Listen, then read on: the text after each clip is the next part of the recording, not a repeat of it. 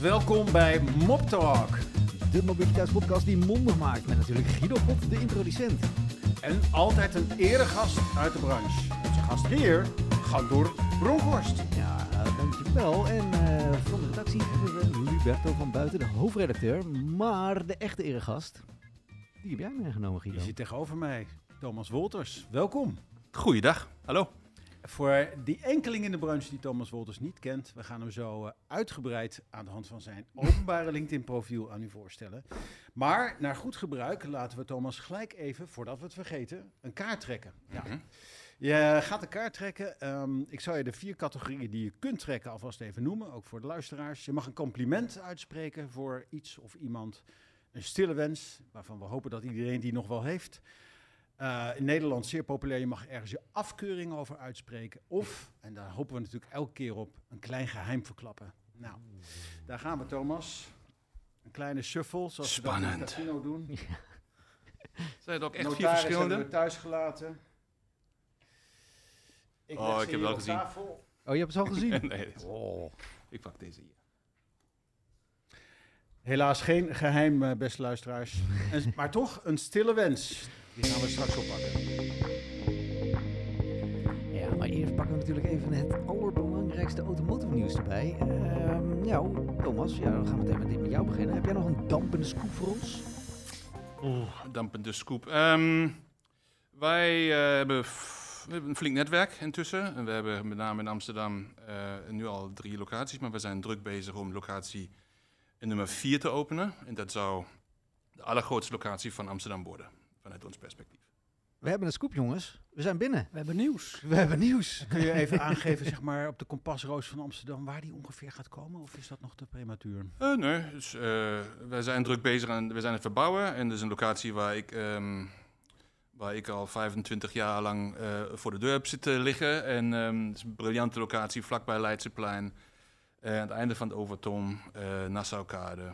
En ehm mega grote parkeergarage van ons zelf. eh, en dus eh, representatieve kantoorruimte. Ehm, dus loopafstand Leidseplein, eh Vondelpark, Hartjestad, Oud-West. Wanneer verwacht je te kunnen openen? Is dat een lastige vraag misschien? Met, Nee, wij, wij zijn stiekem al een beetje aan het oefenen. ehm, maar wij gaan de eerste auto's verhuren ergens in juli. En we gaan, denken wij, gewoon officieel van start in augustus. Heel snel dus. Sterker nog, eh, als we dit uitzenden is het live. Is het Dan, al eh, live? of kan er gewoon gehuurd worden? Ja. Dus Nou. eigenlijk, als het uitgezonden wordt, is het geen scoop meer eigenlijk. Eh, Nou wel, nee, een soort Back to the Future. daar moeten, moeten we nog scoop. openen. Ergens in de tweede helft van juli wordt het. Beetje de categorie live opgenomen dit. en die, Luberto, heb jij nog wat, eh, wat nieuwtjes voor ons meegenomen? Eh, ja, ja, ik heb er twee. Ik hoop niet dat ik dan meteen het hele concept eh, te grabbel gooi dat door jullie zo zorgvuldig is opgebouwd. Ehm, maar de, de, de, de eerste, dat is ook een beetje uit eigen kraamkamer natuurlijk. Vorig, eh, vorige week of vorige maand, als we deze podcast inderdaad uitzenden, is de occasion van het jaar uitgereikt. En dat is geworden de Kia Picanto. Een klein eh, koddig eh, stadsautootje. Ehm, maar die hebben we uitgereikt aan Leon Verstoep tijdens het AM Remarketing Event. Maar wat vertelde hij? Dat een, een- een Kia Picanto, nou tegenwoordig, laten we zeggen, eh, twee jaar oud. Nou, nou Guido, doe eens een gok. Wat, wat moet je daar gemiddeld voor neertellen, denk je? Ja, ik, ik, ik dacht altijd dat we nog aan de goede kant van de 15 zaten. Zeg maar tussen de 10 en de 15. Ja, 12 zo vanaf. 1 litertje, zeg maar. Thomas? Oh, dat is echt een vraag. Eh, Ik heb tot- tot- nul, nul verstand van auto's, maar ik hoop eh, meer... ehm, ik denk dat het meer 15 wordt dan 12.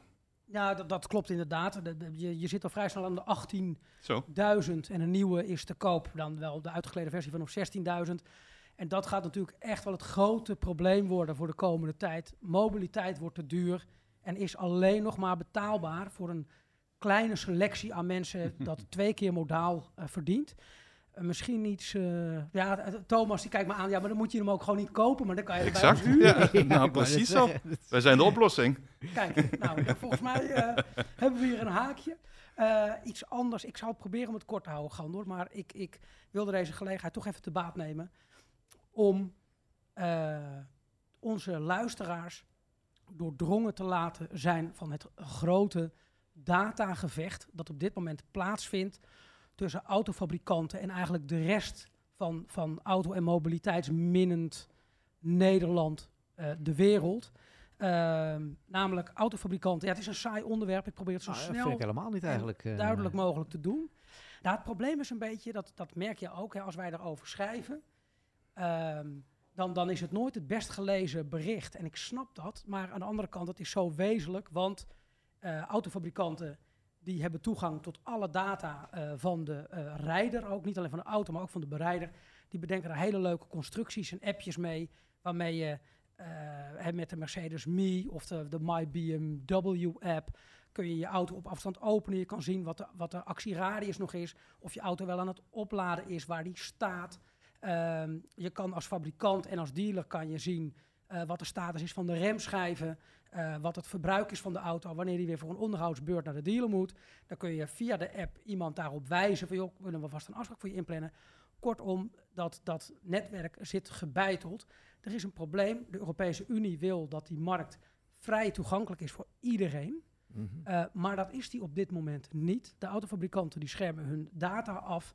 Uh, en de universele autobedrijven, maar ook leasemaatschappijen. En ik denk, Thomas, ook de verhuurmaatschappijen, verzekeraars, die willen ook wel iets met die data. Uiteraard met toestemming van de consument. Mhm. Um, maar op dit moment is er dus in Europa een strijd gaande rond de wetgeving die daaruit moet voortvloeien, namelijk de Data Act. Die moet die vrije toegang tot informatie regelen. Alleen de vrees is dat die te laat tot informatie regelen. Alleen de vrees is dat die te laat komt. En dan wordt bijvoorbeeld heel lastig, Thomas, voor jouw klanten of voor jullie om klanten de mogelijkheid te geven om gewoon met hun telefoon hun gereserveerde auto Mhm. te openen. En dat is echt een heel belangrijk uh, item dat op dit moment boven de markt hangt. Nou, absoluut. Ja. Het, lijkt mij trouwens een keertje interessant om daar een hele podcast mee te vullen eens een keertje. Maar goed, dat is voor een andere keer natuurlijk. Guido, voor deze keer uh, heb jij nog een mooi nieuwtje meegenomen? Ja, ik zit toch nog eventjes een beetje op uh, de nadampen van uh, de grote aankondiging van Stellantis over hun Stellexit. Oeh, ja, dat is natuurlijk ook ja, best een... Um, het, het, is natuurlijk echt zeg maar achtergrond bedrijfsnieuws, maar het betekent heel wat in een branche die kantelt. Stellantis heeft nadat het Europees Parlement zich uitsprak over een, een einde voor de internal combustion engine per 2035, wat overigens natuurlijk nog bekrachtigd moet worden door iedereen, um, hebben ze eigenlijk geconcludeerd van ja, die oude stammenstrijd tussen SECRA en ASEA en Brussel en DG4 en DG5, dat is eigenlijk van gisteren. Um, dus wij stappen uit ASEA. Nou, dat is nogal wat. Allereerst omdat Stellantis natuurlijk het, het, het merkenwarenhuis is van nu, met mm -hmm. oer-Europese uh, automobielmerken als Fiat, Opel en Peugeot, die er vanaf dag één zo'n beetje bij waren. Mm -hmm. Dus daar zitten natuurlijk diepe wortels van, uh, van autofabrikanten in. Maar het, het, het, roept vooral ook de vraag over, uh, wat blijft er dan over van ASEA als zo'n grote speler eruit stapt? En met wie moet de politiek dan afspraken maken? En hoe krachtig is die lobby dan nog? Uh, alleen wegstappen is natuurlijk uh, flauw, maar uh, Tavares heeft ook meteen gezegd van nee, het is tijd voor een nieuwe dialoog. Die oude lobby achter die schermen, dat hebben we wel gezien. En hij kondigde aan de oprichting van een forum met Freedom of Mobility.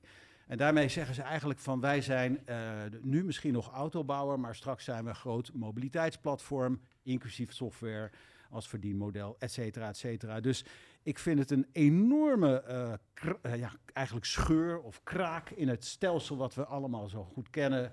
Um, en daar komt natuurlijk een sneeuwbaleffect uit. Ja, nee, dat gaat zeker. En ik ben ook heel benieuwd wat dat gaat opleveren, dat open forum waar ze het dan over hebben. En of dat nou een wassen neus is of niet. Maar volgens mij is het ook de bedoeling dat ze daar veel meer mensen van buitenaf bij betrekken. Een veel ja. opener discussie. Ze willen, uh, ze willen inderdaad wetenschap daarbij betrekken en dat lijkt me heel goed. De politiek uiteraard, die is er altijd bij, want uh, die, uh, ja, die moet gevoed worden en die komt ook wat halen af en toe. Um, dus ja, dat is inderdaad een eerste schets. Dat zal ook best nog wel even duren. Ze zijn er ook nog niet uit. Maar uh, ja, ik vond het toch wel uh, lang nieuws met een diepe uitwerking. Ja. ja, eerst gaan we natuurlijk door naar het grote interview waarom onze uh, bijzondere gasten hebben meegenomen. Ja, mooi hè. We hadden natuurlijk een, een de eerste was met Alain Visser van Link. En daarna hadden we uh, Peter Zelstra, Mercedes-Benz. Dus zeg maar fabrikantenkant hebben we even gelaten voor wat het is. En we hebben het nu over de dienstverlening voor particulier en zakelijke. Uh, het rentelbedrijf, wat we natuurlijk eigenlijk ook al zo uh, oud is eigenlijk. daar ga jij straks wat over vertellen. Maar eerst ga ik jou introduceren, eh, objectief aan de hand van je eigen LinkedIn-profiel, zodat ik, niks kan verzinnen. Ehm, het- nou, we gaan niet naar het wiegje, maar eh, ik ga terug naar 1993. En eh, dan hebben we het meteen over die mooie familiefirma Sixt, waar je toch op de een of andere manier heel nauw mee verbonden bent geweest en heel lang. Dan hebben we het over een filiaal in Neuss, niet zo ver over de grens hier vandaan. We kennen het wel, we rijden vaak langs. Ehm, en eh, dat was natuurlijk, eh, toen liet je zien dat je een jonge high potential was met heel wat in zijn mars.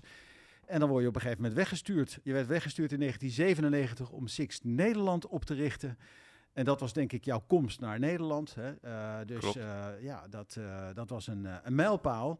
Ja, en dan weten we in dit landschap, Nederland wordt dan op een gegeven moment, als je jezelf vol eet, vanzelf wel een keer Benelux. Dus in 2004 de grote stap naar België. Luxemburg werd er natuurlijk ook nog even aan de schoenzol geplakt. En ja, daar was ineens Benelux. En met een flinke ademteug gaan we dan door naar 2012. Want toen was het een beetje klaar ineens. Ja, de Benelux die stond. En dat was wel, as we speak, Thomas, terwijl we dit opnemen, zo'n tien jaar geleden. Dus dat is toch wel ook wel weer een opmerkelijk moment. Ja, dat moet een soort van oerknal geweest zijn dat je bij eh Sixt vertrok na bijna 19 jaar. Dat zal best nog wel een beetje als de dag van gisteren voelen, ergens, of niet?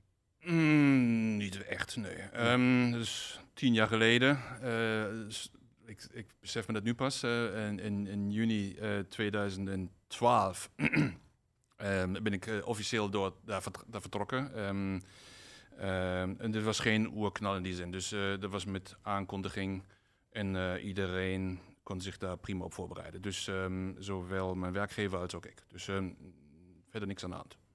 Mooi, maar in ieder geval een heel mooi traject daar afgelegd. Eh, dan krijg je wat je wel vaker ziet bij mensen die lang bij een bedrijf hebben gewerkt. Even een pauze waarin eh, er van alles wordt opgezakt. Eh, ik zie nog steeds staan, eh, want dat bestaat nog steeds, Tommy's. Mhm. En dat heeft niks met die, dat Amerikaanse kledingmerk te maken. Ehm Tommy's vanaf 2012 en Sharing Matters ook al vanaf 2013. Mhm. Want 2013 was nou, een beetje toch de, her, de herstart met Enterprise Mhm. de franchise. Ehm, en dat is nu ook Nederland. Klopt. En ook zeg maar de andere labels, die vallen ook onder de franchise. LMO, National, Ja, ja, ja. ja, klopt, ja. Ehm, als ik naar jouw LinkedIn-profiel kijk, dan zie ik een aantal termen vaak terugkomen. Director, comma, founder, comma, co-owner. Oké. Eh, is dat een soort heilige drie-eenheid voor jou? Starten, Ehm. een stuk eigendom en vooral ook wel een beetje de baas kunnen zijn? Ik was eh, helaas niet co-owner van Sixt. Ehm, was ik het maar geweest. Eh, ehm, eh, Ik bedoel, wij, wij, ehm, wij zijn vertrokken bij Sixt. Het management van, van Sixt is vertrokken. We hebben gewoon Enterprise opgericht. En een jaar later, jij brengt dat in 10 seconden. Daar, daar zit natuurlijk een heleboel onderhandeling tussen. We waren de eerste franchise-partner van Enterprise überhaupt. Aha. Dus zo'n familieorganisatie moet je ook even aan wennen dat er een ondernemer komt die andere ideeën heeft. Dus eh, da- da- da- daar heb je wel even een paar gesprekken voor nodig. Dat, dat heeft dus een jaar geduurd en een, jaar later, dus in de zomer van 2013, hebben wij dan het bedrijf Sharing Matters opgericht en hebben met Sharing Matters het, eh, die labels LMO, National en Enterprise naar Nederland gehaald.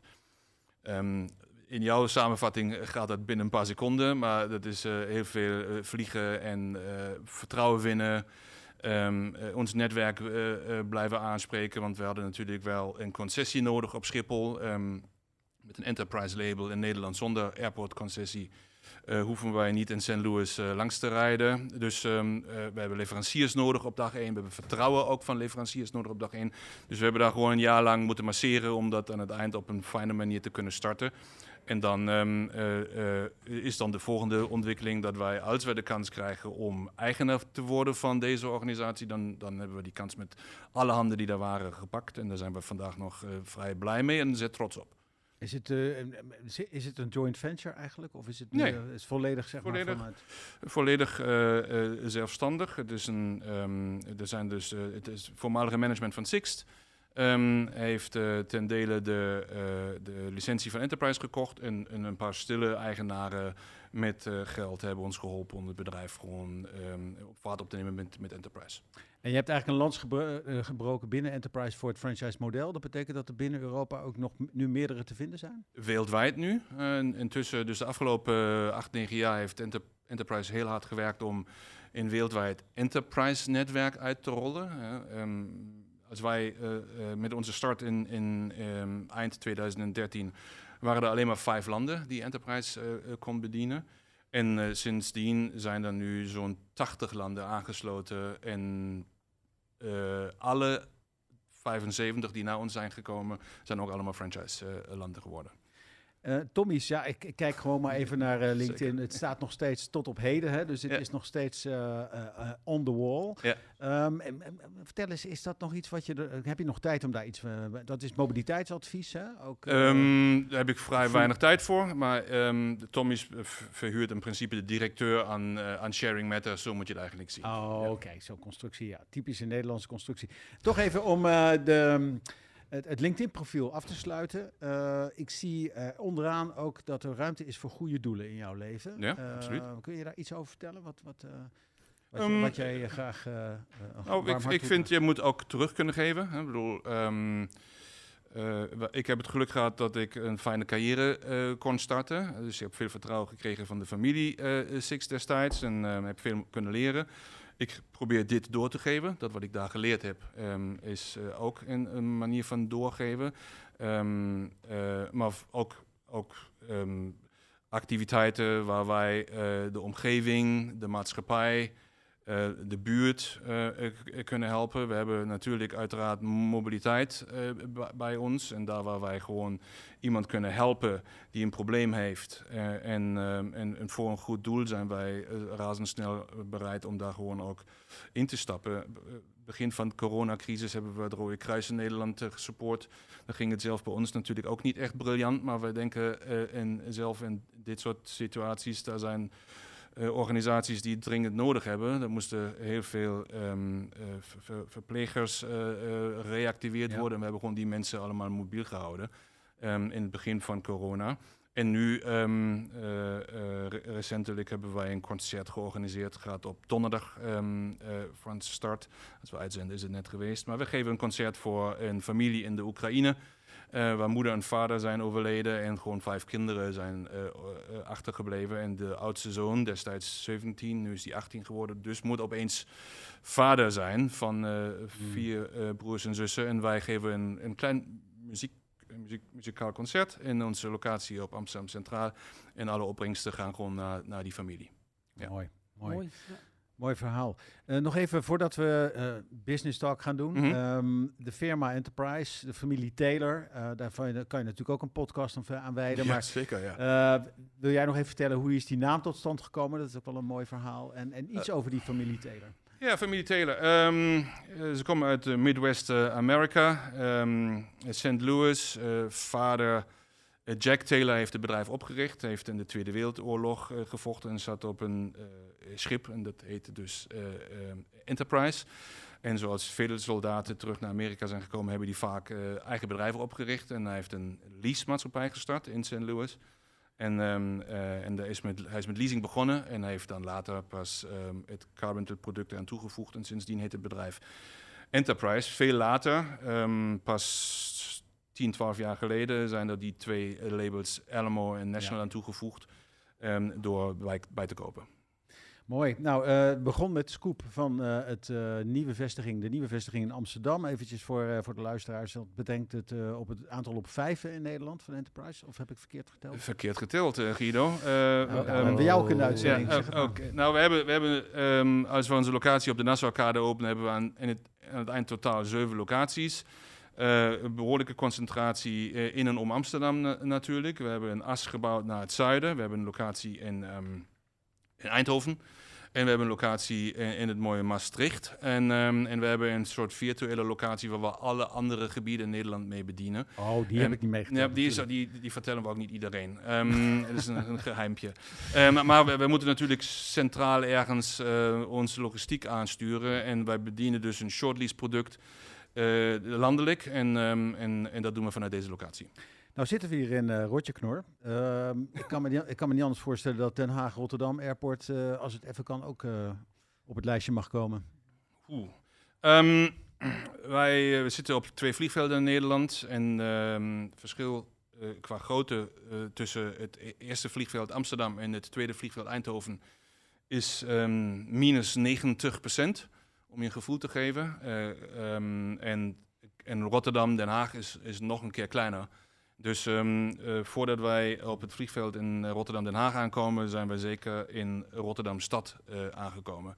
Dus wij zijn vele malen meer geïnteresseerd om op centraal stations te zitten, om de steden te bedienen, mobiliteit in de, in de stad uh, klaar te stomen voor het product dat wij bieden, sharing en rental.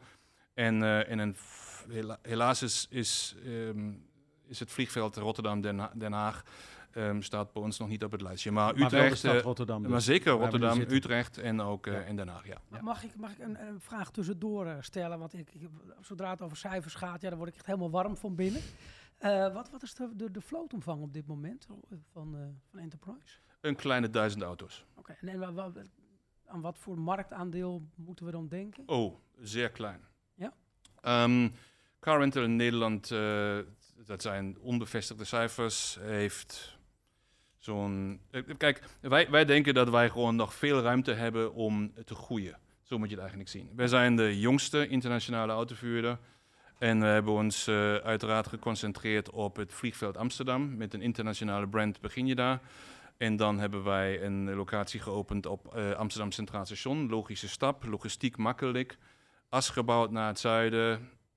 Corona kwam hebben we even een jaartje of twee gepauzeerd. En wij bouwen nu verder. We hebben gewoon binnen corona één locatie geopend op de uh, Zuidas. Uh, Financial District in Amsterdam. Dus nu deze zomer op de Nassaukade. Um, car rental is, uh, is replacement, vervangend vervoer. Is een auto wat um, voor een leasecontract wordt geschakeld. Dus als je al die autohuurdagen optelt, hebben wij een klein bescheiden um, marktaandeel. Maar uh, duizend auto's zeg je? Hebben wij, uh, ja. Ik, ik, kan me herinneren dat we in 2013, dat is al een poosje geleden, een, een, interview hadden staan met jou waarin je verwachtte binnen drie jaar naar 2000 auto's te groeien. Ja. What went wrong? Gaan ze niet krijgen nu? nou, we hadden al, uh, we waren al ruim, we, we, hadden al duidelijk meer dan 2000 auto's. Um, en we hebben onze vloot natuurlijk enorm moeten afslanken. Ja. Um, in 2020. Um, in maart 2020 uh, waren wij gewoon dichter bij 3000 auto's dan bij 2500 auto's. En we moesten ons vele malen kleiner maken, omdat uh, van de ene op de andere dag met name de uh, inbound traffic op een vliegveld stil kwam te liggen. Maar wij ook in eerste instantie nog niet precies wisten wat wij eigenlijk ook nog in zo'n land mogen doen. Dus mm -hmm. lockdown ja. heette destijds nog echt thuis zitten en met name niet bewegen. En wij hebben flink moeten afschalen om, om onze kosten te reduceren. En vanuit ons perspectief zijn auto, auto's vooral heel veel kosten. Nu we het over de auto's hebben. Inkoop is natuurlijk onmisbaar. Ik heb er zelf ook een tijdje in mogen bivakeren. Het leveren, ja, het oude spel was natuurlijk gewoon lekker doorproduceren en auto's leveren zodat ze op de baan komen. Terugkopen met een dikke korting. Dus dan is het gewoon, de registraties zijn duidelijk. de verhuur, verhuurder is happy, de, de bereiders zijn happy. Ja, dat spel is natuurlijk sinds chiptekorten, mede dankzij corona, ook op zijn kant komen te liggen. Iedereen moet knokken voor uh, levertijden, voor levering. En korting, ik weet het niet, is misschien met een kleine K vandaag de dag. Hoe ervaar jij dat vanuit de sourcingkant, uh, Thomas? Um, uh, ik zeg, Krijg je wat je nodig hebt? Wij krijgen niet wat we nodig hebben, zeker niet. Um, we hebben auto's tekort. Um, relatie, relatie, relatie, dat is key. we, hebben, we hebben een zeer, zeer goed netwerk. We hebben veel gunst in, de, in, in het netwerk. En wij kunnen aardig nog wat auto's uh, toevoegen. We hebben dus nu een kleine duizend auto's. Als jij mij um, in de corona, echt in de diepe coronacrisis had gevraagd, dan hadden wij gewoon minder dan de helft. Ja. Dus wij hebben ons zeer, zeer, zeer, zeer klein gemaakt. En we hebben sindsdien al onze vloot weer ruim verdubbeld. Um, dat zegt wat. Dat is niet makkelijk geweest. We hebben honderden auto's uh, um, kunnen bijkopen.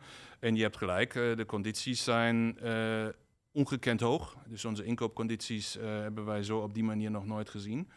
Ehm, eh, wat ook aan het eind natuurlijk in de markt terechtkomt. Hè? Dus wij, eh, als wij niet meer eh, zo scherp kunnen inkopen, kunnen we ook niet meer zo scherp verkopen. Dus um, capaciteiten is op dit moment een, een, uitdaging, maar tot nu toe kunnen we het managen. Hè? Dus ehm, wat wij nu zien in andere reissectoren, wij halen de klant ook niet naar onze balie als we die auto niet hebben. Dus als wij capaciteit hebben, dan kunnen we die capaciteit bevullen. Onze bezetting is een gezonde 80%, pieken uh, in de 90%. Uh, en dat is een management uh, wat, wat daarop ligt. En daar, mm zitten, daar zitten hele intelligente mensen die dat voor ons dagelijks structuur geven. En, en sindsdien zonder teleurstellingen bij klanten. En is het ook zo dat je zo dan vandaag de dag met leveronzekerheid wel een telefoontje krijgt? Ja, het wordt toch twee, drie maanden later en dan zit er ineens een gat in je planning. We krijgen een telefoontje, het wordt 12, 13 maanden later. Um, en daar zit een behoorlijk gat in. De, in eh, maar, maar, maar, we zijn een hele kleine, uh, extreem snelle organisatie. Dat heeft ons in corona geholpen. En wij hebben, uh, wij, wij, wij, hebben auto's geïmporteerd. Um, we hebben auto's uit, uit, uit andere landen naar Nederland gehaald. We hebben tweedehands auto's aan onze vloot toegevoegd. Samen met onze partners, met, onze, met importeurs ten dele. Oh ja. um, we hebben op we hebben op alternatieve manieren auto's aan onze, uh, aan onze vloot toegevoegd. Um, snel en creatief zijn is, is een... Inkoop is topsport geworden, Is absoluut. Ja. Uh, ja. Is, een, is, een, is een toptaak van, van, van, uh, van onze vlietafdeling.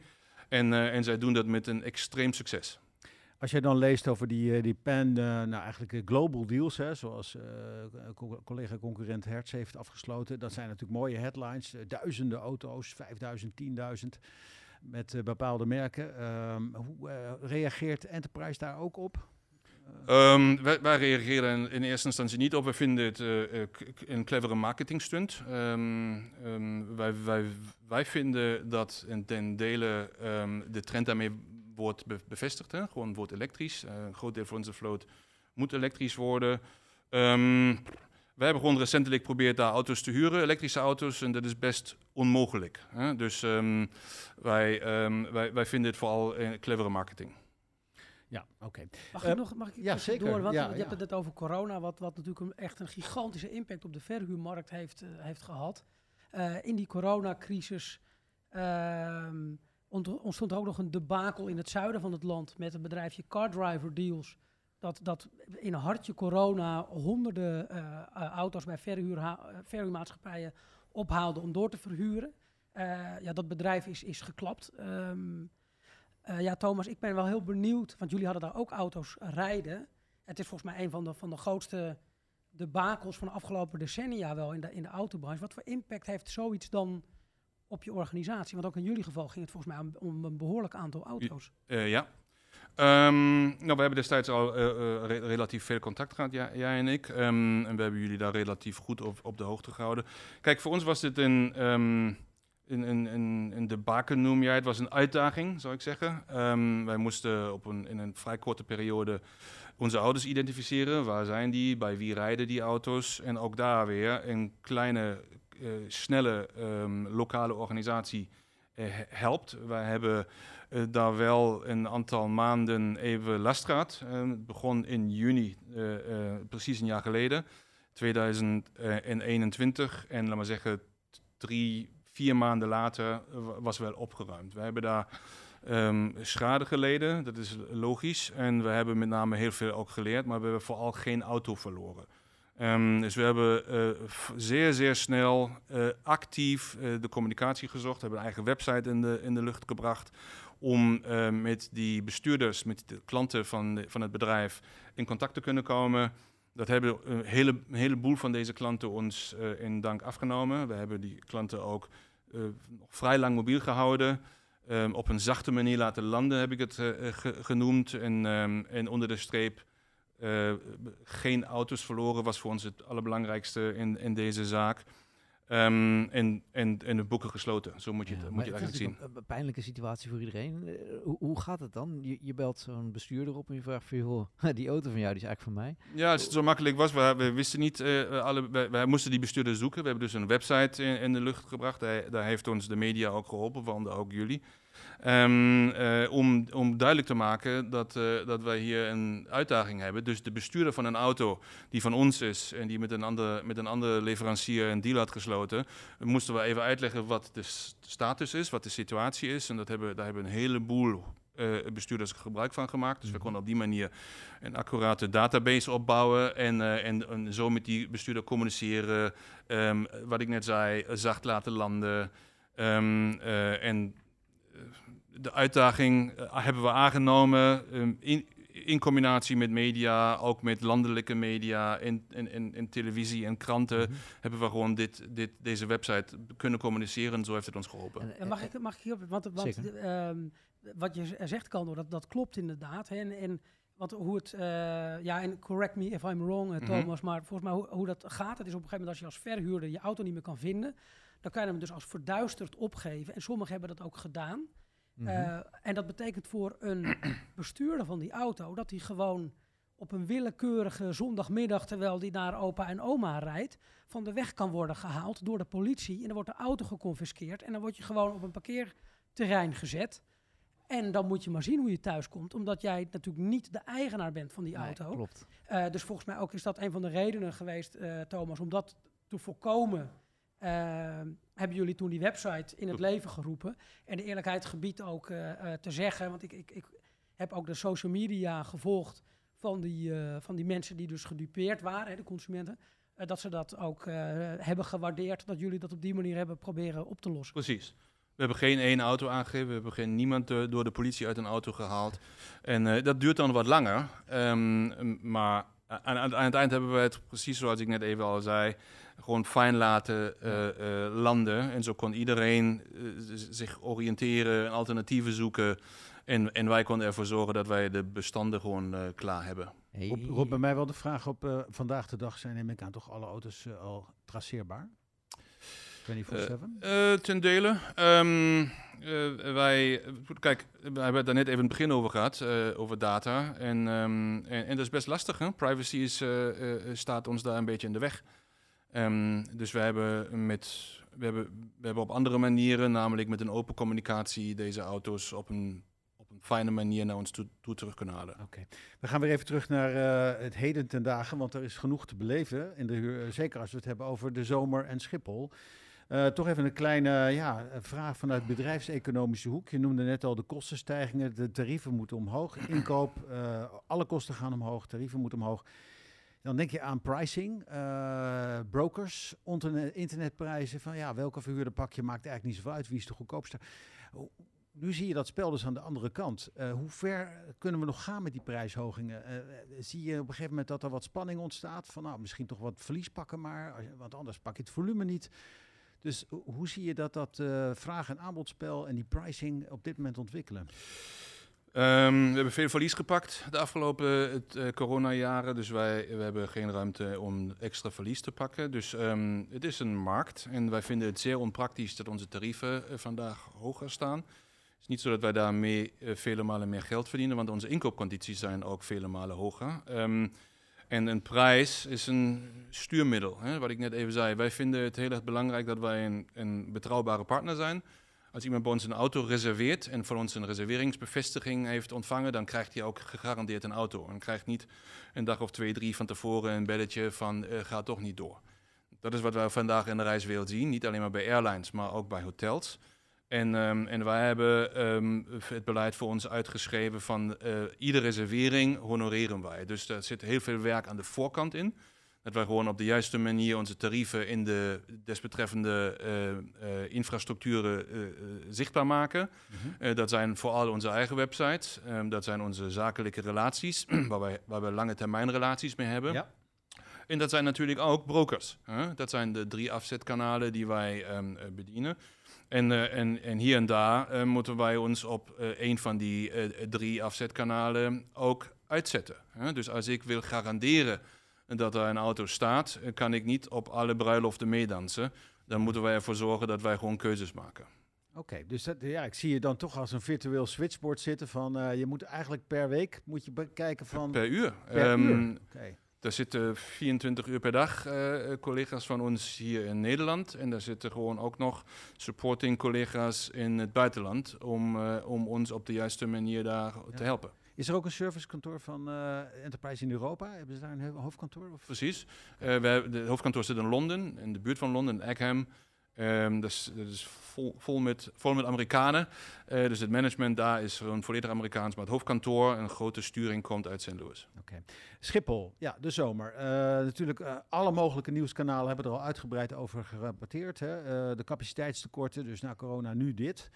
Eh, met alle malaise, en die wordt natuurlijk uitvergroot op individueel niveau. De vakantie van Tante Sjaan, die kan niet doorgaan en noem maar op. Maar hoe raakt het jullie? En kun je er nog, kun je nog bijsturen hier? Of moet je gewoon maar afwachten hoe, eh, hoe het gaat lopen? Hoe, ga je daar bedrijfsmatig mee om als je er zo van afhankelijk bent? Ehm, we vinden het in eerste instantie teleurstellend. En wij, wij, wij, wij respecteren Tante Jean. Tante Jean is een klant van ons. Ehm, iedere dag weer. En, ehm, en wij vinden dat niet netjes dat wij opeens eh, vragen van komen morgen even niet. Hè? Dus wat nu op Schiphol gebeurt, ehm, eh, dat stelt ons enorm teleur. We hebben allemaal eh, door corona ons kleiner moeten maken. En nu is het tijd om ons weer groter te kunnen maken. Maar omdat de infrastructuur niet klaar is daar, moet nu Schiphol vluchten cancelen. En, en dat helpt ons natuurlijk niet om weer ge- gez- gezond eh, verder te kunnen bouwen. Ehm, dus wat ik net even zei over ons perspectief vanuit onze vloot, eh, eh, zo reageren wij op de tarivering in de markt. Maar als opeens ehm, van, de, van woensdag op donderdag eh, vluchten worden gecanceld, dan hebben wij reserveringen in ons systeem eh, waar de klant niet kan vertrekken en dus bij ons ook niet aankomt en de transactie niet doorgaat. Dus dit soort verrassingen, verrassingen in het algemeen, zijn enorm onpraktisch. Dus daar zitten wij niet op te wachten. Ehm, en toch is het zo dat wij gelukkig ehm, enorm hoge de klanttevredenheidsscore eh, zien. Eh, eh, Lumberto zei net even, hij heeft op social media ons ge- ge- gecheckt. Dat doen wij dagelijks. Hè? Mhm, Dus eh, mhm. Ehm, we vinden het enorm belangrijk van wat onze klant daar over ons vertelt. En, eh, en we zijn enorm blij dat wij binnen onze eigen ehm, eh, satisfaction tools, maar ook gewoon via Google of Facebook eh, re- re- regelmatig kritiek daar o- o- ophalen, maar ook op eh, kunnen reageren en anticiperen. En tot nu toe ehm, hebben wij daar eh, geen één klant te- teleurgesteld. Eh, wij zijn afhankelijk van Schiphol, maar we, wij maken ons natuurlijk met onze met ons netwerk, wat steeds groter wordt buiten Schiphol, iedere dag minder afhankelijk. Ehm, Ja. Dus een opening van een locatie op de Nassaukade helpt ons om dit soort druk, die, om die, dit soort verrassingen die op Schiphol ontstaan, om die gewoon op een fijne manier te kunnen verwerken. Diversificatie. Goed, eh, jij hebt het een paar keer gehad over die eh, toch een beetje een methodische keuze over klantenbenadering. Vandaag de dag, als ik een eh, auto bij jou huur, maakt niet uit hoe, via welk kanaal. En ik vind iets niet in orde, of ik wil misschien wel een compliment geven. Hoe, hoe eh, toegankelijk zijn jullie? Zitten we dan, zitten we dan op internet eh, contactformulieren of kan ik gewoon bellen en krijg ik een mens aan de lijn? Chatbots. Eh, ik heb, heb een groot hekel aan chatbots. Ehm, Oh, jij ook al? Ehm, eh, vreselijk. Hè? Dus, eh, eh, dus wij, wij, wij hebben natuurlijk gewoon mensen moeten laten gaan. We hebben vooral ook onze communicatieafdeling laten gaan. En op die moment is het zo dat al onze back-office collega's, we hebben techniek ingekocht. En, en al onze eh, back-office collega's nemen telefoons op en, eh, en beantwoorden vragen. En, en, eh, en, en helpen klanten. Hè? Dus ehm, het is zo dat wij heel veel reacties krijgen via social media. Dat helpt. Maar we hebben ook heel veel klanten eh, die ons bellen. En eh, gelukkig hebben wij geen één chatbot en geen één bot in het algemeen. Eh, bij ons pakken nog echte mensen een telefoon op die verstand, die verstand hebben. heet, laat me wel eens vertellen. Die verstand hebben van, van de zaak. Hè? Ehm, en vooral natuurlijk te woord staan voor alles wat in Nederland gebeurt, maar ook daarbuiten. Dus we hebben heel veel Nederlanders die ook vertrekken en eh, naar het buitenland nu vliegen en zich, zich zorgen maken van wat is er als ik ergens in Italië of in Spanje of in Griekenland aankom. Eh, ook daar eh, staan we hun te woord en, en, en proberen hun op een fijne manier te informeren. Heb je dan ook inderdaad in de zomer extra krachten toch, als je zou kon krijgen, om een vakantiepiek in contacten op te vangen? Zoals de. ANWB bijvoorbeeld dat heeft. Ja, maar, eh, maar niet voor dit soort eh, Nee. doeleinden. Dat, Nee. dat is te specifiek. Dan, Ja. moet, dan, moet, dan moet je systeemkennis hebben. En je moet echt ook weten van wat speelt er vandaag bij Ja. ons. Ehm, eh, en eh dus back-office eh, ondersteunt. Ik wil nog eventjes, eh, nog één vraag. Ja. ja. Dan, Want je had het net over eh, diversificeren. Eh, je hebt het ook over die langlopende zakelijke contracten. Hè? Eh, dat lijkt me dan een soort heilzaam gegeven. Hoe staat het op dit moment met het corporate landschap? Mag er, ondanks de misschien ook gestegen kosten van verblijf en reizen, mag er wel volop gereisd worden in de internationale corporate wereld? Of is dat, Ehm, eh, hoe zie je dat? Kijk, ehm, Na wij- wij- corona? Ja, kijk, we hebben natuurlijk een oorlog in Europa. dat moeten we niet vergeten. Mhm. Dat is voor sommige landen, die vinden dat heel erg spannend. Dus die reizen dan minder. Maar eh, op, op zich zijn de meeste restricties die er waren vanuit, eh, vanuit onze zakelijke relaties, zijn verdwenen. Ehm, er kan volop gereisd worden. Eh, de kostenstijgingen, of het nu een huurdag is of, een, of, of brandstoffen, wat je net even allemaal noemde, ehm, is, is nog geen issue. We zien wel of we verwachten wel veranderingen in het algemeen. Hè. Dus corona heeft, heeft ook laten zien dat videoconferencing eh, een oplossing is voor sommige reisjes. Ehm, en wij bereiden ons erop voor dat een gedeelte van onze business op deze manier niet meer terugkomt. Eh, en vooral dan op Schiphol. Ja. Ehm, De dus de, in, stereotype internationale zakelijk reiziger, een hotel, meetingje, dan weer een hotel en weer terug. Eh, dat, Ja. dat, dat, dat de frequentie niet meer vier keer per jaar, maar misschien Nee. nog drie of twee keer per jaar wordt. Daar bereiden we ons op voor. eh, en, eh, en dat veranderen gewoon gelukkig andere eh, ehm, eh, klantengroepen hun gedrag. En, en die komen we dan weer, ehm, eh, vullen dan ons ehm, reserveringsbasket weer op. Ja, eh, ik kan hier wel een beetje, of het sluit er wel een beetje op aan wat ik wilde vragen. Namelijk, het, je, wat je ook wel vaak hoort, is dat het voor verhuurders heel moeilijk is om de bezettingsgraad omhoog te krijgen. En dat, dat, dat jullie zitten volgens mij behoorlijk hoog, als ik jou zo beluister. Maar dat er ook wordt gekeken naar andere businessmodellen, zoals het, het, het aanbieden van auto-abonnementen. Eh, het, het, het mini-lease eh, wordt ook wel genoemd. Ja, wat, wat voor producten bieden jullie buiten eh, ja, die traditionele verhuur? Ik zou het helemaal niet zo willen indelen. Wij, wij, wij definiëren ons, wij kopen een auto en we hakken die auto in kleine stukjes. En wij bieden die gewoon weer aan aan die die gewoon voor een dag of voor een week of een weekend of een vakantie.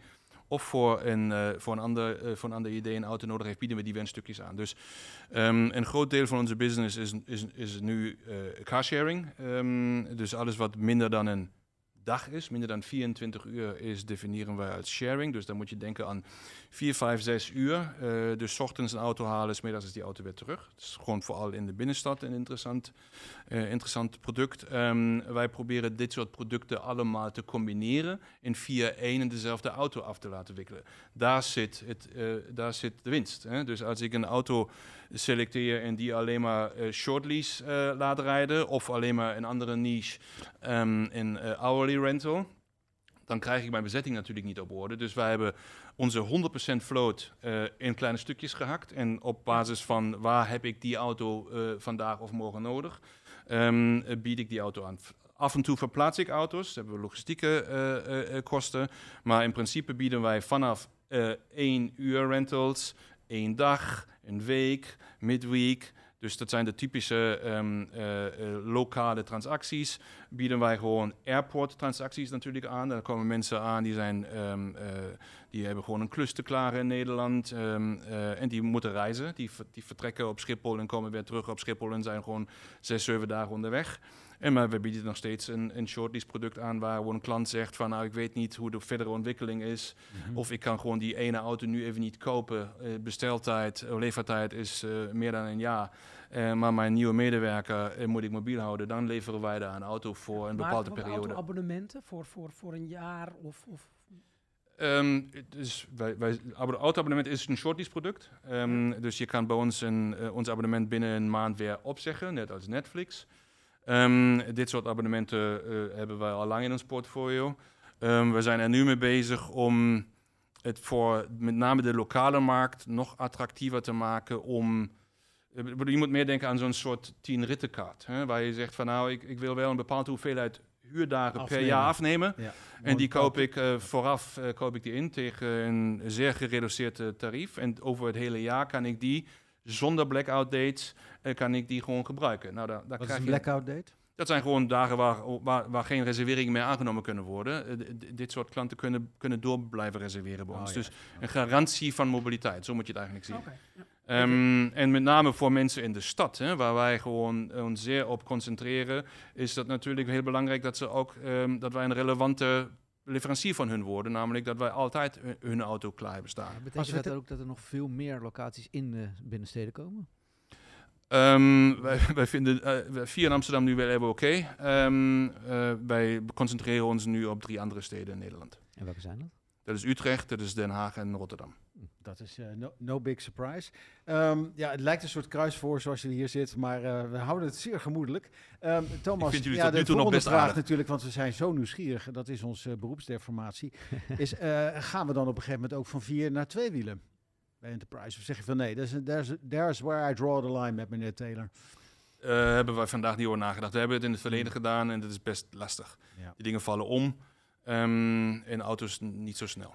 Oké, toch eventjes, eh, toch even het huren per uur, zoals het bij jullie op de site staat. Je zei net al, het is een best een omvangrijk deel van de business geworden. Zeer zeker. Kun je daar een percentage grofweg aan hangen? Want dat is denk ik nog niet zo Eh. duidelijk. Want je ziet ze ook niet als zodanig rijden natuurlijk. Hè? Als een, eh, Maar dat is wat ik net even zei. Het is Ja. exact dezelfde auto die ook een dag Exact. rijdt en vier dagen Ja. rijdt en, Ja. en, en zes maanden rijdt. Dus we hebben onze auto's op deze manier niet gebrand. Ehm, dat vinden wij en onze klanten ook best fijn. Ehm, Als je het hebt over onze downtown business, is een, maar zeggen, een derde van onze business sharing business. Dus korter dan één dag. Dat is al best voor zeg. Ja. Dus dat zijn mensen die neerstrijken in de stad, waar dan ook. Dat zijn mensen die al in de stad wonen en Ah. zijn. En of helemaal geen auto hebben of geen tweede auto hebben. Ja. En gebruik maken van eh, onze vluchtauto's die daar klaarstaan voor hun om gewoon die stad te kunnen verlaten. En zo moet je het eigenlijk zien. Ah, het is meer uit de stad dan Precies, in de stad. zeker niet in de stad. Nee. Ah, onze, auto's, Dus onze auto's verlaten de stad onmiddellijk. Dat is interessant. Vluchtauto, dat vind ik wel.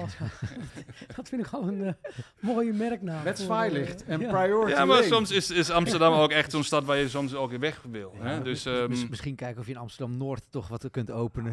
ik, zie, ik zie mogelijkheden. Ik zie al een klant in ieder geval eh, voor je. Ehm, dus ik heb wel eens gedacht van, in het landschap van autodelen, daar gaan we ook nog een keer een aparte podcast aan wijden, hè? de- het lijstje wordt groter. Ehm, zou je bijna kunnen zeggen, als je het hebt over de fine art van de bezettingsgraad, hè, 80, de e- ene meneer van, hè, die we allemaal kennen, die ooit bij Hertz heeft gezeten, nog tot voor kort, zei me ooit van, de, onder de 80 is verlies en boven de 90 is de glorie. Dus dat is de marge, Mhm. maar bezettingsgraad. Zijn eigenlijk autoverhuurbedrijven met hun operationele kennis niet, zeg maar, genetisch gezien het best eh geëquipt om deelautoconcepten aan te bieden? Hoe zie jij dat? Ehm, wij, wij, wij bieden deelautoconcepten Ja. aan, Guido. Eh, en wij, wij denken dat wij daar perfect voor geknipt zijn. Hè? Want wij hebben namelijk alle afzetkanalen in onze handen.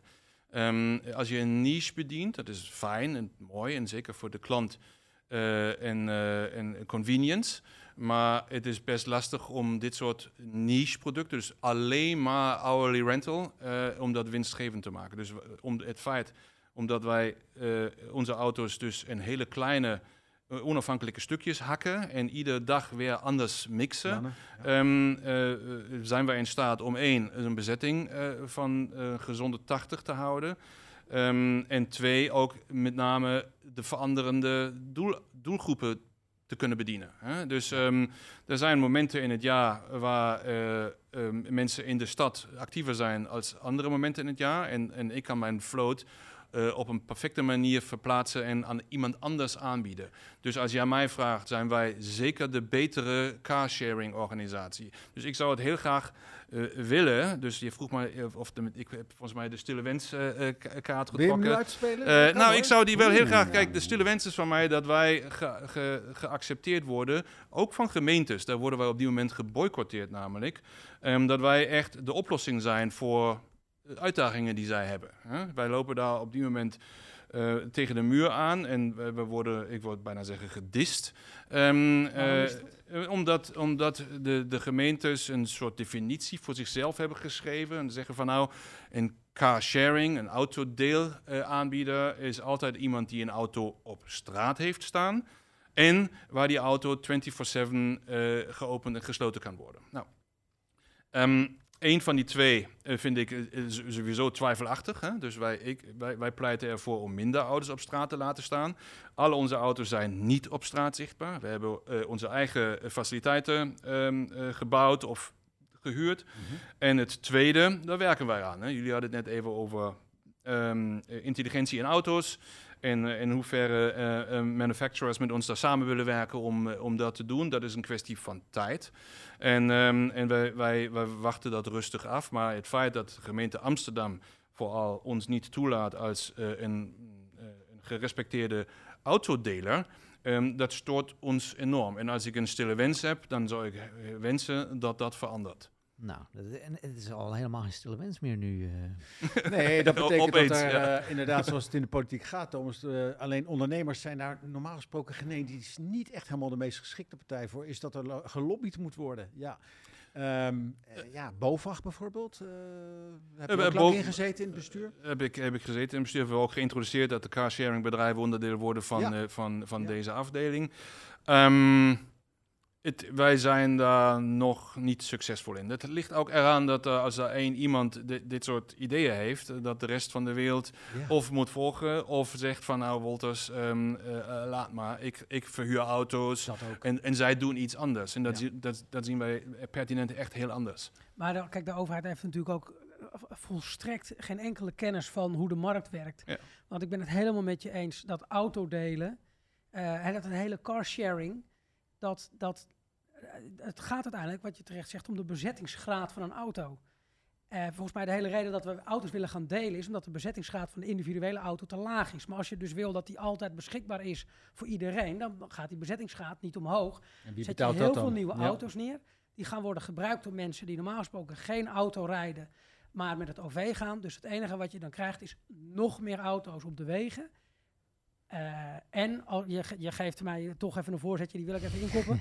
je zag het nu ook weer, eh, we, hebben eh, dat nu ook op onze website staan, dat de staatssecretaris van, van Infra, die is erachter gekomen dat door het afschalen van de voor- voordelen voor elektrische auto's, ze de doelstellingen niet gaan halen van een volledig nieuwe autoverkoop, elektrische autoverkoop in 2030.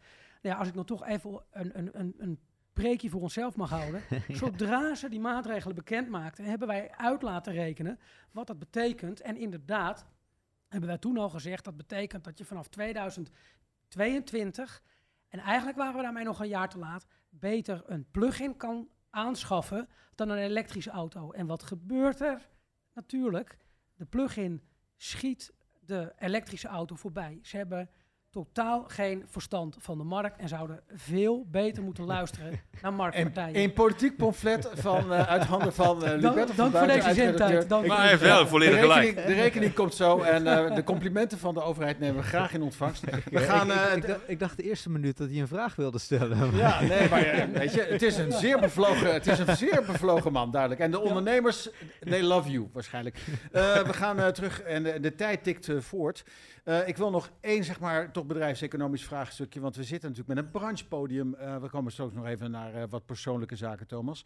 Ehm, elektrificatie, ja. Eh, wat betekent dat voor het vuurbedrijf, voor jou vandaag de dag? En wat betekent het voor jouw modus operandi om al die auto's geladen te krijgen? Dus hoe ver ben je met elektrificatie en wat betekent het bedrijfsmatig voor je? Ehm, dat is, zo gaat dit verder. Wij, wij kunnen daar niet uit vluchten. Dus ehm, we hadden al heel vroeg elektrische auto's. We hebben nog steeds een heleboel elektrische auto's. Het is wel zo dat ehm, het een lastig product is. Hè. Dus wij, moeten, wij moeten vele malen meer praten om een klant een elektrische auto te krijgen. Er zit wat angst, Ja. eh, range, eh, waar- hoe kan ik laden, waar kan ik laden, is die ook beschikbaar en vrij en dit soort dingen. En dat heb je natuurlijk eh, op de manier van hoe wij allemaal opgegroeid zijn met, een, met, een, Heerlijk. met brandstof ja. niet. Hè? Dus Nee. daar rij je naar een pompstation, dan gooi je die auto vol en dan ga je verder. Kijk, dit is een soort educatief stukje waar wij allemaal aan werken. Ehm lukt ons relatief goed. Hè? We hadden het net even over data. We hebben heel veel data. We hebben heel veel data ook over onze klanten en kunnen hun ook helpen om dit soort beslissingen te nemen. Als iemand eh, eh, eh, vier keer in de maand vijf uur een auto komt ophalen bij ons en wij weten dat hij niet vele malen meer dan 100 kilometer rijdt, dan is een elektrische auto een perfecte oplossing voor, voor hen. Dus da, da, da- dat helpt. Hè? Dus eh, ons, onze data in het vertrouwen in ons helpt. Maar als jij, eh, stel je komt uit eh, Kentucky aangevlogen op Schiphol en je wil even in eh, tien dagen Europa ontdekken, dan is een elektrische auto de minst geschikte auto. Dus ehm, Dat is duidelijk. eh, da- Ja. da- daar hebben wij natuurlijk mee te vechten. Volgende uitdaging die we hebben is met name. We hadden het net over onze, on- over onze eh, bezettingsschade, dus eh, onze turnaround. Ja. Dus een auto komt, Bedrijf komt terug uit een, Ja. eh, uit, een, uit een huurtransactie, moet gewassen worden, ge- getankt worden of opgeladen worden en weer aangeboden worden aan de volgende klant. Is extreem kort. Hè? Dus wij, wij, wij, onze turnaround is niet meer dan 30 minuten op, op sommige piekdagen. En, ehm, en, en dan heb Red, ik. Red Bull tijden zijn dat. En dan- ja, nou, die kunnen dat wel vlot hoor. Maar, maar die, er zit een enorme druk op de organisatie. En als wij dan eh, er nog even een time-out moeten nemen omdat die auto gecharged moet worden. ehm, dan heb ik natuurlijk niks aan eh slowladers. Dan moet ik fast chargers hebben. En, en met name daar zit op die moment de uitdaging voor ons. Hè. Dus wij, ehm, eh, we hebben daar niet voldoende aan. Hè. Wij, ehm, de, de infrastructuur in onze gebouwen is daar niet geschikt voor. En zelfs eh, daar waar je zou denken, een instituut zoals Schiphol, eh, die schudden eh, dat uit hun, uit hun mouw. Ehm, wij bouwen samen met Schiphol op dit moment een nieuw service center. En daar zijn behoorlijke uitdagingen voor alle car rental organisaties. Dat Ja. Schiphol ons daar de infrastructuur Ja. beschikbaar kan stellen om in no time Ja. ehm, eh, zeer, zeer snel eh, auto's tenminste 80% vol te kunnen Dus ook gooien. daar mis je eigenlijk een regiefunctie, hè? Dat iemand... Ja, je, bedoel, eh, ik ben echt geen vriend van, van lobby. Dat, is, dat vind ik Nee. te... te Nee, maar iedereen loopt met hetzelfde probleem. Ja, de, de, BOVAG, de. BOVAG helpt ons dat ten dele, ehm, maar het wordt te extreem specifiek. Hè? En, en daar hebben we met name beweging nodig eh, aan de kant van Schiphol, dat ze ons begrijpen. We hadden het er net even over, onze partners om ons heen begrijpen ons niet altijd. En als die, als die zien hoe, hoe ongelooflijk snel we onze auto's weer moeten klaarmaken voor de volgende transacties, dan pas realiseren zij zich dat we met zes uur laadtijd niks hebben. Ik, ik, ik voeg nog een stille wens aan je toe. Straks met die inductieladers, hè, dan, eh, terwijl die auto gewassen wordt, staat die te laden. Dus niet en-en, maar eh, tegelijkertijd. Dus eh, ja, dat, wat dat betreft gaat het technisch natuurlijk heel ver. We moeten inderdaad eh, langzaam gaan afronden, maar niet zonder toch even nog wat leuke uitsmijtertjes. langzaam. De, de, Ja. staan al aan de deur. Ja, klopt. Maar ja, we wisten bij Thomas wordt het erg gezellig. En, eh, en, en eh, er vallen er ook geen stiltes.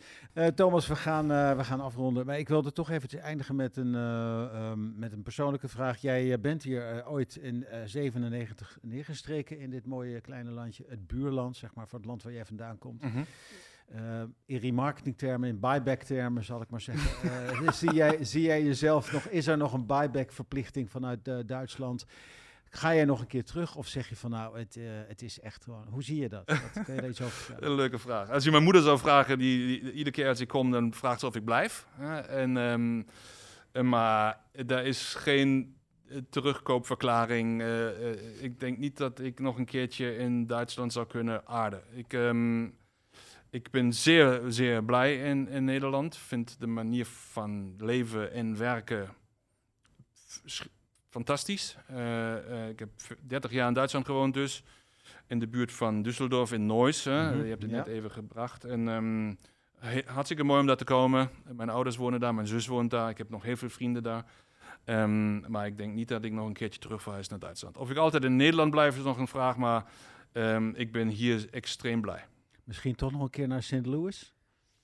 Oh, St. Louis is niet echt sexy. ehm, maar eh, ik vind de VS wel echt een heel mooi land. Eh, ik heb intussen heel veel andere landen ook ontdekt. Dus eh, daar weet ik, weet ik nog niet wat ik precies ga doen. Kijk aan.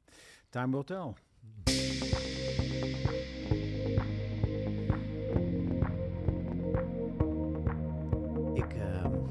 Ben helemaal hartverwarmd eigenlijk. Eh, Nederland, zo'n zo mooi fijn landje, jongens. Gaaf land. Ja. Een gaaf land. Ja, dat is... Maar wij eh, kunnen echt klagen over dingen waarvan andere mensen, waar klagen jullie om? Toch? dat maakt ons land zo geweldig.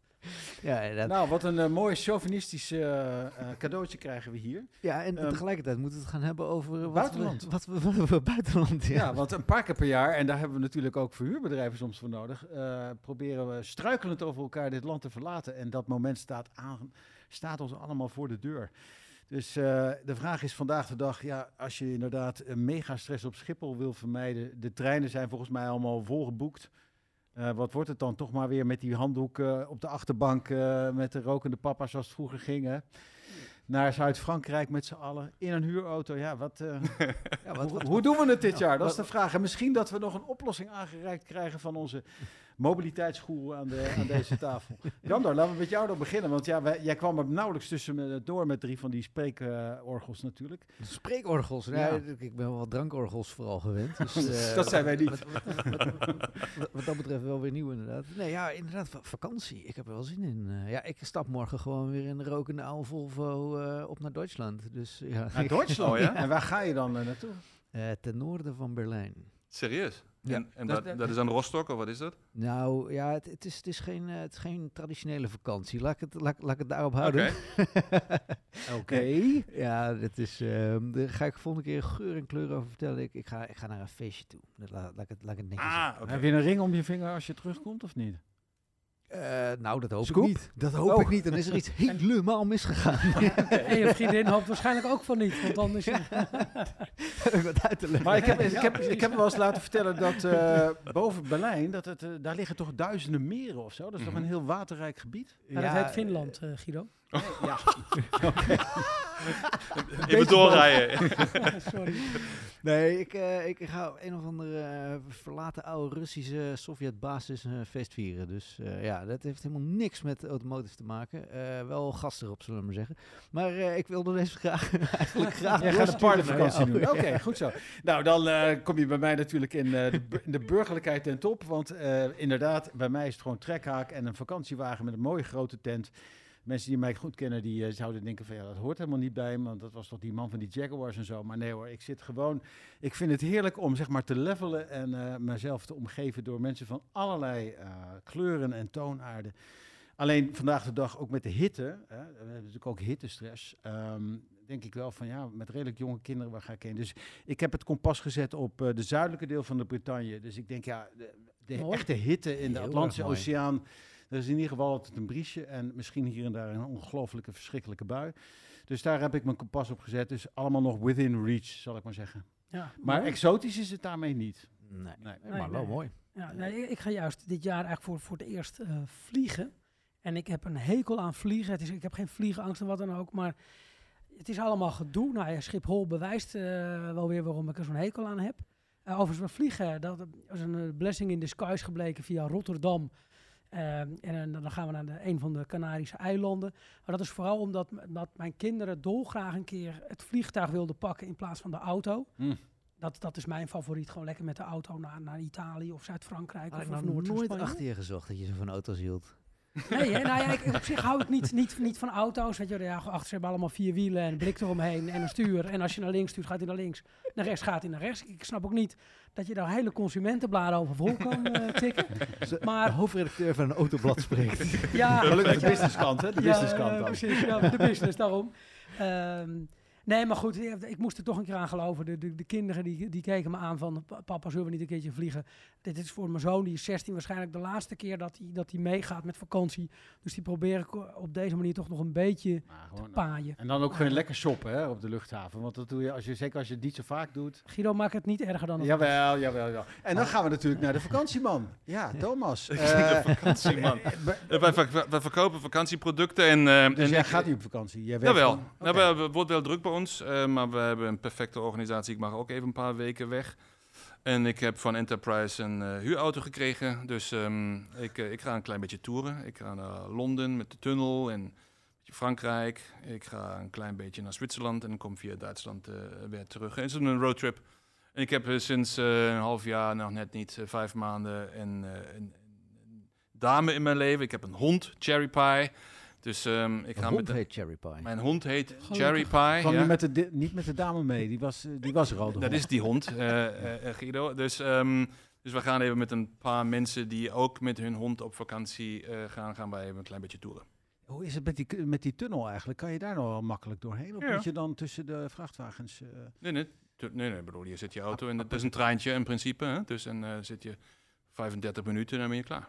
En dan ga je gewoon aan de, aan de, aan de linkerkant verder rijden. Ja, gaaf Ja, hè? Ja, ja. ja, fantastisch. Ja. Dus eh, ik eh, roadtripping en, en ik ben eigenlijk normaal ook van eh, even vliegtuig en, en, en weg, maar ik vind dat alles te onduidelijk en ik hou, het liever, ik hou liever de controle en dan is er jouw eigen auto en je eigen weg. En daar zijn we eigenlijk terug bij datgene wat die auto natuurlijk zo legendarisch heeft gemaakt. Dat is de autonomie. Ik bepaal. De mens bepaalt. Ik stap in. Hij doet het. Ik kan tanken. Ik rij. En ik zie wel hoe ver. Ja.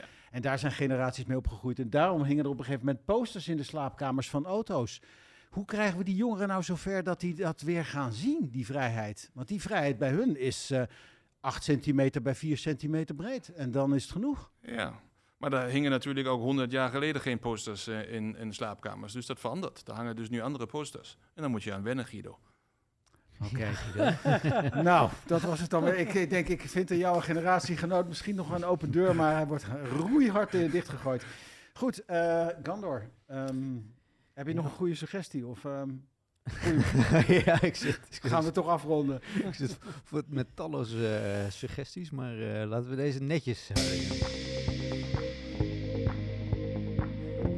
Alweer de derde aflevering van Mop Talk. Natuurlijk met dank aan onze gast in de studio. En natuurlijk alle luisteraars, abonneer je vooral. Ehm, luister vooral en zet je naar.